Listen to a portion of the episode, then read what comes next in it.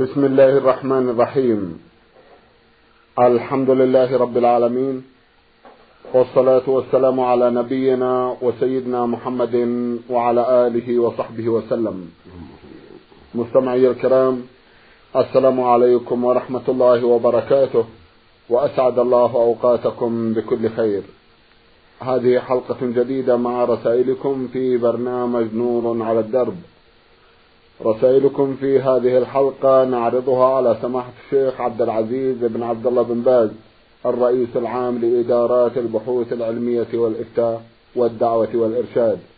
مع مطلع هذه الحلقة نرحب بسماحة الشيخ ونشكر له تفضله بإجابة السادة المستمعين فأهلا وسهلا بالشيخ عبد العزيز. حياكم الله وبارك حياكم الله. أولى رسائل هذه الحلقة رسالة وصلت إلى البرنامج من أحد الإخوة المستمعين من الدمام وهو فيصل بوبشيت.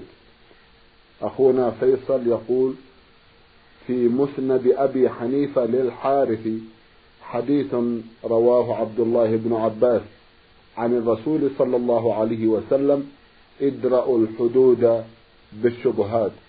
أرجو أن تتفضلوا بشرح هذا الحديث. جزاكم الله خيرا. بسم الله الرحمن الرحيم. الحمد لله صلى الله وسلم على رسول الله وعلى آله وأصحابه ومن اهتدى بهداه. أما بعد فقد جاء في هذا الباب عدة أحاديث في أسانيدها مقال لكن يشد بعضها بعضا.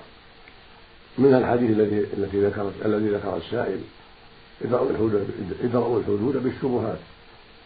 واللفظ الآخر ادفعوا الحدود ما استطعتم والمعنى أن الواجب على ولاة الأمور من القضاة والعلماء والعمراء أن يدرأوا الحدود بالشبهة التي توجب الشك في ثبوت الحد.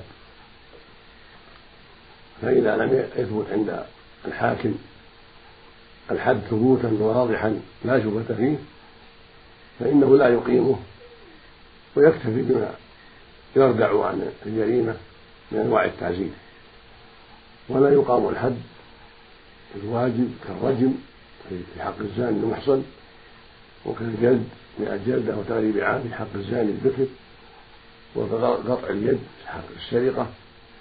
لا يقام إلا بعد ثبوت ذلك ثبوتا لا شبهة فيه ولا شك فيه. بشاهدين عدلين لا شبهة فيهما فيما يتعلق بالسرقة. وبأربعة شهود حدود فيما يتعلق بحد الزنا. وهكذا بقية الحدود. الواجب على ولاة الأمر أن يعتنوا بذلك وأن يدرأوا الحد بالشبهة التي توجب الريبة والشك في ثبوته.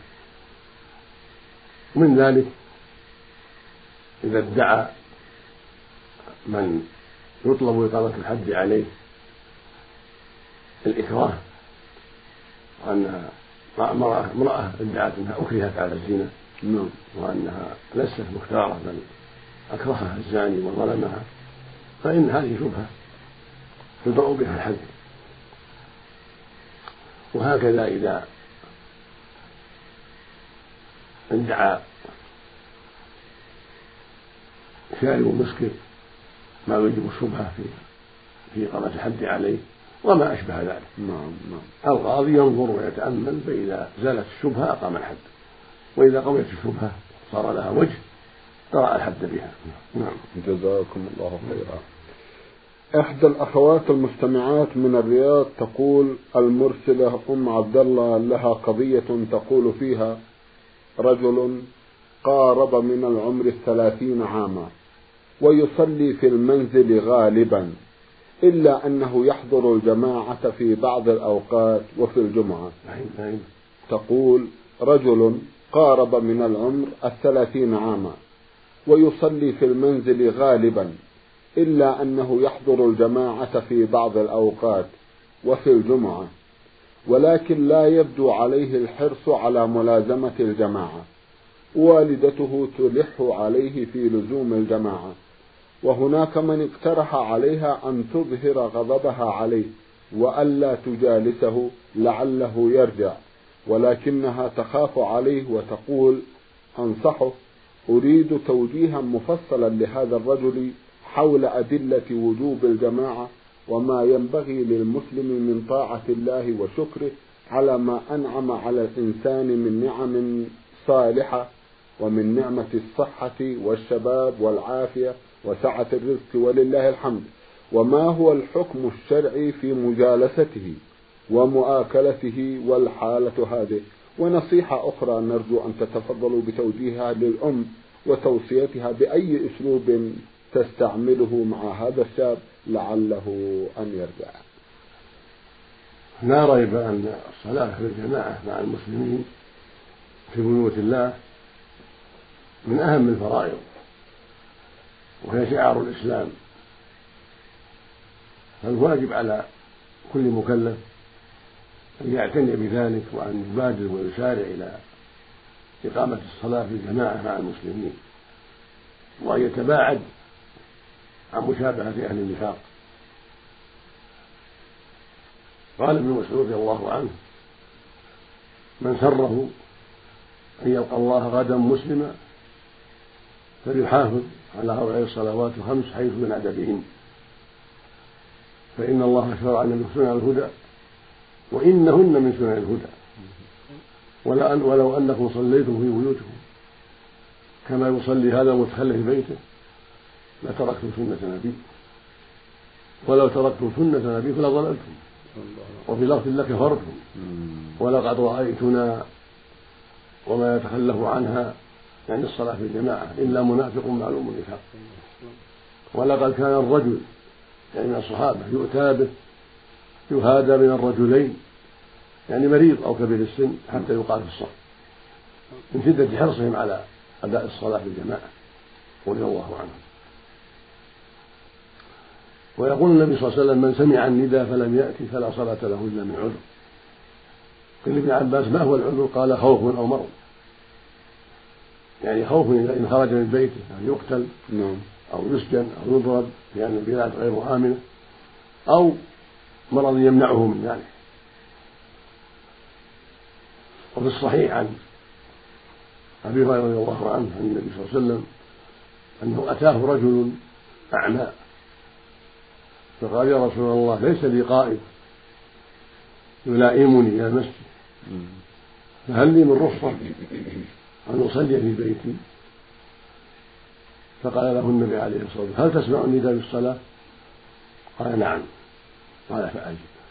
رواه مسلم في صحيح وفي رواية أخرى في غير مسلم لا أجد لك رخصة قال الرسول صلى الله عليه وسلم أنه لا يجد رخصة لأعمى ليس له قائد يلائمه فيصلي في بيته بل عليه يصلي في المسجد مع الناس. فإذا كان الأعمى الذي ليس له قائد يلائمه ليس له رخصة. فكيف بحال الصحيح المعافى البسيط؟ الأمر أعظم. نعم. وقد قال وقد هم صلى الله عليه وسلم أن يحرق على المتخلفين بيوتهم كما في الصحيحين عنه عليه الصلاة والسلام أنه قال لقد هممت أن أمر بالصلاة فتقام ثم أمر فيؤم الناس. ثم انطلق برجال معهم حزن من حطب إلى رجال لا يشهدون الصلاة يعني في المساجد فأحرق عليهم بيوتهم. هكذا يقول عليه الصلاة والسلام. وفي رواية لأحمد لولا ما في البيوت من النساء والذرية لحرقتها عليهم. فالمقصود أن الصلاة في الجماعة في بيوت الله أمر مفترض وأمر لازم ومن شعار المسلمين من شعار أهل الحق والتخلف عن ذلك في البيوت من شعار المنافقين. فلا ينبغي للمسلم أن يرضى بمشابهة أهل النفاق الذين قال الله فيهم سبحانه إن المنافقين يخادعون الله وهو خادعهم وإذا قاموا إلى الصلاة قاموا كسالى يراءون الناس ولا يذكرون الله إلا قليلا. مذبذبين بين ذلك لا إلى هؤلاء ولا إلى هؤلاء. ذكره سبحانه بخمس صفات المنافقين خمس. إحداها أنهم يخادعون الله والذين آمنوا. ما عندهم نصيحة ولا أمانة. عندهم المكر والخديعة والكذب في معاملاتهم. والثانية أنهم إذا قاموا إلى الصلاة قاموا كسالى. ما عندهم نشاط لعدم إيمانهم. إنما هي إنما هو رياء. الثالثة أنهم لا يذكرون الله إلا قليلا. ذكرهم لله قليل. تغلب عليهم الغفلة والرابعة أنهم أهل رياء يراؤون الناس بأعمالهم ليس عندهم إخلاص. الغالب عليهم في أعمالهم الرياء والسمعة وطالب المحمدة. وليس عندهم إخلاص لله سبحانه وتعالى. والخامسة أنهم مذبذبون. ليس عندهم ثبات. وليس عندهم هدف مستقيم. بل هم تارة مع المؤمنين وتارة مع الكافرين. ليس عندهم قاعدة ولا دين ثابت ولا إيمان صادق. بل إن ظهر المؤمنون ونصروا صاروا مع المؤمنين. وإن ظهر الكفار على المسلمين صاروا مع الكفار. هذه حال المنافقين. فكيف يرضى المؤمن أن يتشبه بهم في التخلف عن الصلاة في الجماعة؟ والوالدة التي نصحت ولدها في أن يصلي مع الجماعة قد أحسنت وهذا هو الواجب عليها. والواجب عليها أن تستمر في ذلك طيب.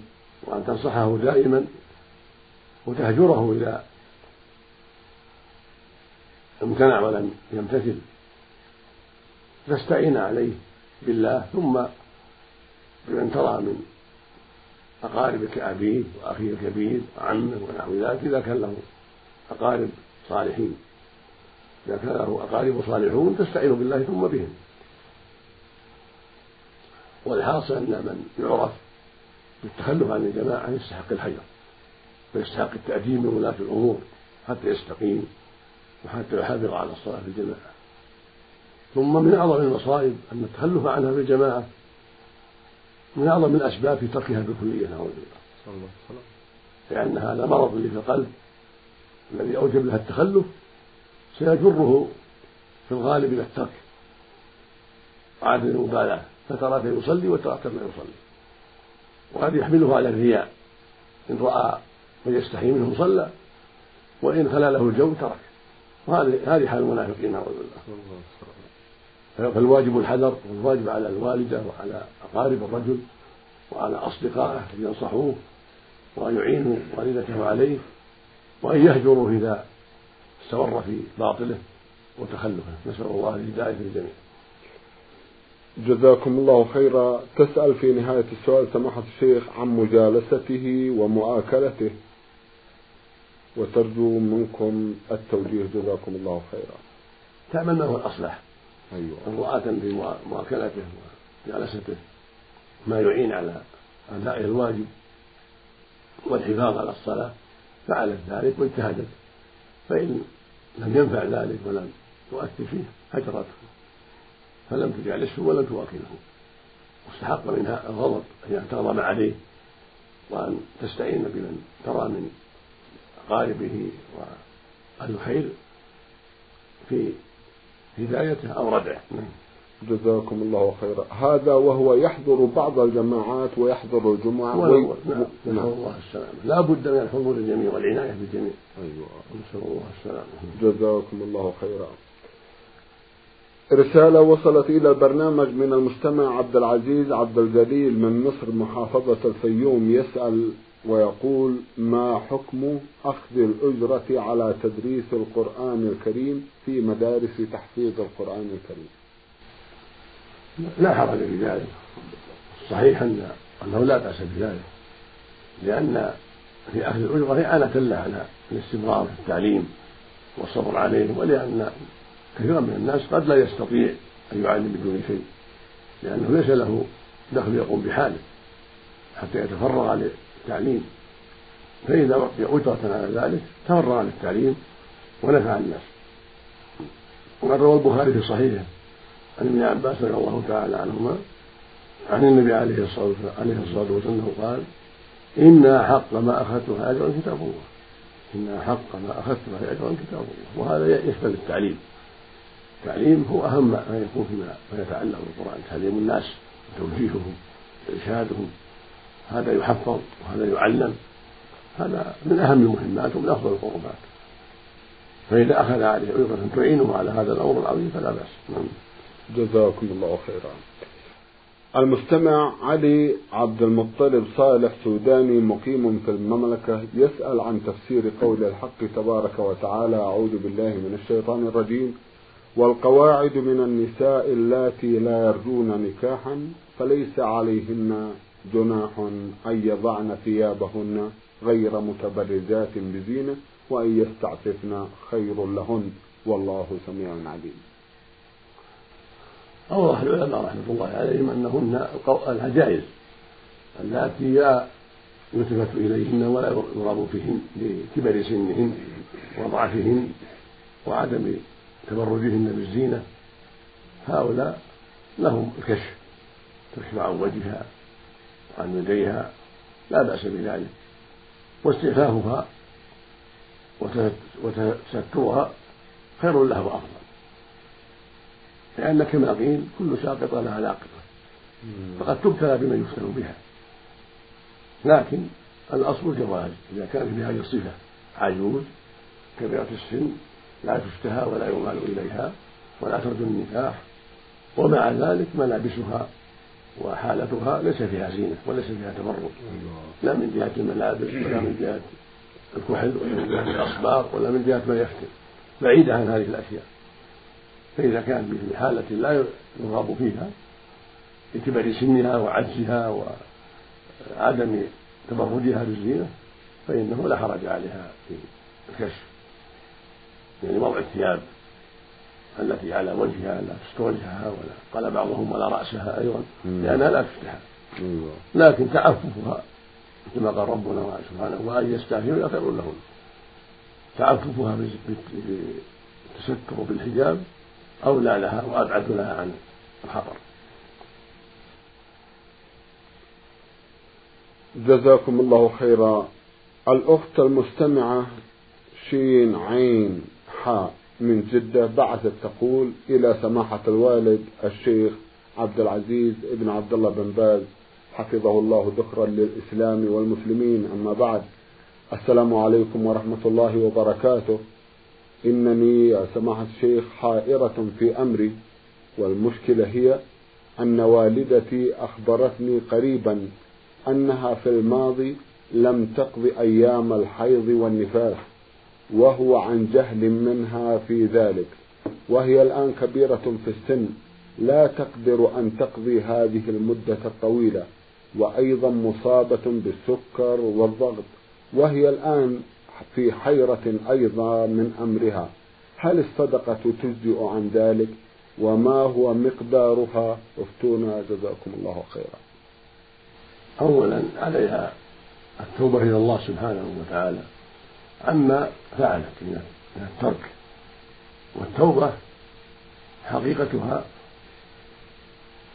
أمور ثلاثة. الندم على الماضي من السيئة وعدم فعلها والعدم الصادق ألا يعود فيها العبد. هذه توبة. ندم على الماضي وإقلاع من الذنب وترك له. خوفا من الله سبحانه وتعالى وتعظيما له. وأمر ثالث وهو العزم الصادق ألا يعود في الذنب فالوالدة التي سألت عنها أيها السائلة جزاك الله خيرا عليها أن تتوب إلى الله بالندم على المرض الندم الصادق. وعليها مع ذلك أن تطعم عن كل مسكين. ما دامت لا تستطيع القضاء عليها أن تطعم عن كل يوم مسكين إذا كانت تستطيع إذا كانت عندها قدرة مالية تطعم عن كل يوم مسكين نصف صاع. بصاع النبي عليه الصلاة والسلام. ومقداره كيلو ونصف تقريبا طيب. من من قوت البلد أرز أو تمر أو حنطة أو شعير ونحو ذلك. هذا هو الواجب عليها مع التوبة والاستغفار عما مضى. جزاكم الله. والله سبحانه وتعالى يتوب على التائبين. وأنت جزاك الله خيرا. أعينيها على هذا الخير. طيب. إذا كانت تعجز عن بعض الكفارة وأنت تقدرين فأعينيها والله في عون العبد ما كان العبد في عون أخيه. فكيف بالوالدة؟ نعم. نعم جزاكم الله خيرا. تقدم الرز صافي دون أن يكون معه وأيضا عبد العزيز. عليها أن تعتني بعدد الأيام. أيوة. ولو بالظن إذا شق العلم ولو بالظن. يكتفى بالظن عند العجز عن العلم في مقدار الأيام. وإذا كان مع الرز أو الحنطة إدام هذا أفضل وأفضل. طيب. من لحم أيوة. أو سمن. نعم. هذا كله طيب. وإلا فهو يكفي وحده. تمر وحده والرز وحده والحنطة وحده تكفي. تكفي. لكن إذا كان مع الرز ونحوه إذا صار أفضل نعم. جزاكم الله خيرا. الرسالة التالية رسالة المستمع علي محمد الخشان من الرياض. أخونا يقول نرى كثيرا من الناس عند دفن الميت يرفعونه أكثر من شبر.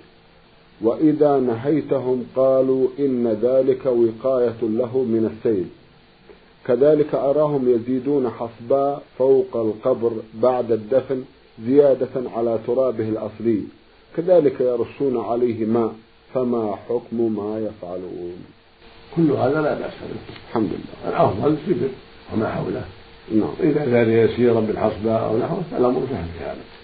الأمر في هذا سهل. حتى تعلم القبور وتعرف وحتى لا تمتحن فإذا دفنوه بترابه وجعلوا عليه حصبة حتى يثبت به التراب وتبقى ويبقى ورشه بالماء حتى يبقى. كل هذا لا بأس به لأن فيه حفظا لترابه وبقاء له. نعم. بارك الله فيكم. أخونا يسأل سؤال فيه شيء من الغرابة. يقول إذا كان إمام المسجد ينتظر في بيته. ولا يحضر للمسجد إلا عند الإقامة ولا يشتغل في البيت بصلاة نافلة أو قراءة قرآن فهل الأفضل له التبكير إلى المسجد قبل الإقامة؟ هذا لا لا نعلم فيه حدا محدودا ولا سنة واضحة بل الأمر يرجع إلى الإمام فإن رأى أن حضوره في المسجد أصلح لقلبه وأنفع للناس ليقرأ ليصلي ما تيسر ويقرأ وربما كان عالما فيفتي الناس بما يسألونه عنه ونحو ذلك. كان هذا أفضل. وإن رأى أن بقاءه في البيت أصلح له يقرأ في بيته ويصلي الرواتب في بيته ثم يأتي عند إقامة الصلاة كما هو الغالب من فعل النبي عليه الصلاة والسلام. المعروف من فعله صلى الله عليه وسلم أنه كان يبقى في البيت إذا جاء وقت الإقامة خرج إلى الناس عليه الصلاة والسلام. هذا هو الأصل فيما يبقى في بيته. ويشتغل بما يسر الله له من قراءة أو علم أو صلاة نافلة ونحو ذلك ويحرص على الرواتب التي شرعها الله من أربع قبل الظهر وثنتين بعدها وثنتين بعد المغرب وثنتين بعد العشاء وثنتين قبل صلاة الصبح هذه رواتب حافظ عليها النبي عليه الصلاة والسلام. فعلها الإمام في البيت وفعل ما يسر الله له من الخير دراسة القرآن أو قراءة علم أو تحفظ شيء ينفعه من العلم أو القرآن فكل هذا طيب. فالأصل أن الإمام يبقى في البيت اقتداء بالنبي عليه الصلاة والسلام ثم يأتي وقت الإقامة فيقيم الصلاة. فإذا رأى في حالة من الحالات أو في قرية من القرى أو في بلد من البلدان أن مجيئه إلى المسجد قبل الصلاة ينتظرها مع الناس في المسجد يصلي ما كتب الله له مما شرع الله ويقرأ القرآن أو يسبح ويهلل في محل من المسجد حتى يحضر وقت الإقامة. كل هذا لا بأس به. والحاصل أن والخلاصة أن الأصل والأفضل أن يكون في البيت حتى يأتي وقت الإقامة اقتداء بالنبي عليه الصلاة والسلام. فإذا حصل حصل له أمر آخر يقتضي أنه يحضر في المسجد وأن في ذلك مصلحة راجحة على بقاء في البيت فلا أعلم في هذا بأسا. بل ينبغي أن يتحرى ما هو أقرب إلى المصلحة والنفع للمسلمين. جزاكم الله خيرا. مستمع بعث يسأل ويقول علمنا أن رسول الله صلى الله عليه وسلم قد نهى عن رفع الصوت في المساجد في أوقات الصلاة ولو بقراءة القرآن. وقد لاحظت أن معظم الإخوة المسلمين حيث أقيم يرفعون أصواتهم بقراءة القرآن. وخاصة في الأوقات بين الأذان والإقامة لدرجة قد تجعلني في كثير من الأحيان لا أحسن الوقوف بين يدي الرحمن. فما العمل؟ وأرجو الله إن كان في تصرف هؤلاء الإخوة ما لا يجوز أن ينبهوا على ذلك كثيرا فإن الأمر قد عم جميع المساجد. حتى إنك إذا أخبرت أحدهم بما في هذا الأمر فإما أن يتعجب مما تقول وإما أن يستمع إليك ثم لا يتوقف عن فعل ذلك العمل. هدانا الله جميعا إلى سواء السبيل. وصاحب هذا السؤال أخ مصري يعمل في السعودية كما يقول يبدو أن اسمه طارق حسين. لا شك أن هذا واقع في المساجد ولا شك أن الأفضل عدم الجهر بالصوت وعدم رفع الصوت. في الصفوف في المساجد وأن سيقرأ وهو خافض صوته حتى لا يشوش على من حوله من القراء والمصلين. خلفوا السنة. وقد ثبت عنه صلى الله عليه وسلم أنه خرج ذات يوم إلى الناس في المسجد وهم يقرؤون قد رفعوا أصواتهم فقال كلكم من ناجي الله فلا يجهر بعضكم على بعض أو كما قال عليه الصلاة والسلام. فالمقصود أن السنة مراعاة من حوله من المصلين وألا يجهر بقراءته فيشوش عليهم ولكن يقرأ قراءة منخفضة ليس فيها تشويش بينه وبين نفسه أو يرفع قليلا لا يتعدى الضرر إلى غيره لكنه رفع قليل. فالحاصل أنه ينبغي أن يراعي في المصلين فلا يجهر بجهرا يشوش على مصل أو على قارئ.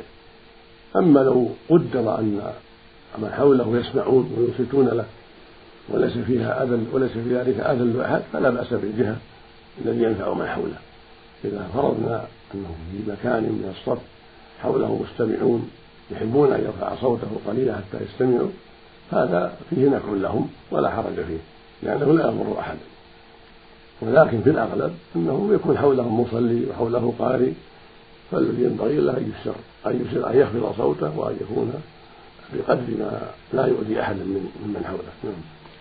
جزاكم الله خيرا. رسالة من أحد المستمعين فيها بعض الطول فهمت منها شيخ عبد العزيز أنه كثير الخجل ولا يستطيع أن يؤم الناس رغم أنه في بعض الحالات يكون الأقرأ في فريضة من الفرائض. وإذا وجه إليه سؤال يرتعش كما يقول ويرجو من سماحتكم التوجيه والنصح. الواجب على المؤمن وعلى طالب العلم أن تكون عنده همة عالية والقوة والنشاط في إبلاغ الخير والدعوة إلى الخير وتعليم الجاهل وإرشاد الضال والأمر بالمعروف والنهي عن هذا هو الواجب. وهذا الذي ينبغي للمؤمن. يقول النبي صلى الله عليه وسلم المؤمن القوي خير وأحب إلى الله من المؤمن الضعيف. وفي كل خير. لكن المؤمن القوي يعلم الناس ويصلي بهم إذا احتاجوا ويقرأ عليهم العلم ويرشدهم ويأمرهم بالمعروف وينهى المنكر. أفضل من المؤمن الضعيف العاجز الذي لا يستطيع أن يبذل ما ينفعهم ووصيتي لهذا السائل أن يتقي الله وأن تكون همته عالية. وأن يؤم الناس إذا كان أفضل الموجودين وراغب إليه يؤم الناس وأن يبادر بذلك وأن يظهر علمه إن كان عنده علم وأن يفتي السائل بما عنده من العلم عن الله وعن رسوله وأن لا يخجل فليس هذا محل خجل. الخجل للجاهل والفاعل والفاعل المعصية أما من يعلم الناس الخير ويفتيهم بالعلم الشرعي ويسعى في مصالحهم فلا يليق به أن يخجل ولا ينبغي له أن يجبن ولا يليق به أن يتأخر بل ينبغي أن يتقدم وأن يكون في المقدمة في كل شيء حتى ينفع الناس ويرشدهم ويكون إماما في الخير. والله المستعان. الله المستعان. جزاكم الله خيرا. سماحة الشيخ في الختام أتوجه لكم بالشكر الجزيل بعد شكر الله سبحانه وتعالى على تفضلكم بإجابة السادة المستمعين. وآمل أن يتجدد اللقاء وأنتم على خير. نسأل الله ذلك مستمعي الكرام كان لقاؤكم في هذه الحلقة مع سماحة الشيخ عبد العزيز بن عبد الله بن باز الرئيس العام لإدارات البحوث العلمية والإفتاء والدعوة والإرشاد. من الإذاعة الخارجية سجلها لكم زميلنا مطر محمد الغامدي. شكرا لكم جميعا وسلام الله عليكم ورحمته وبركاته.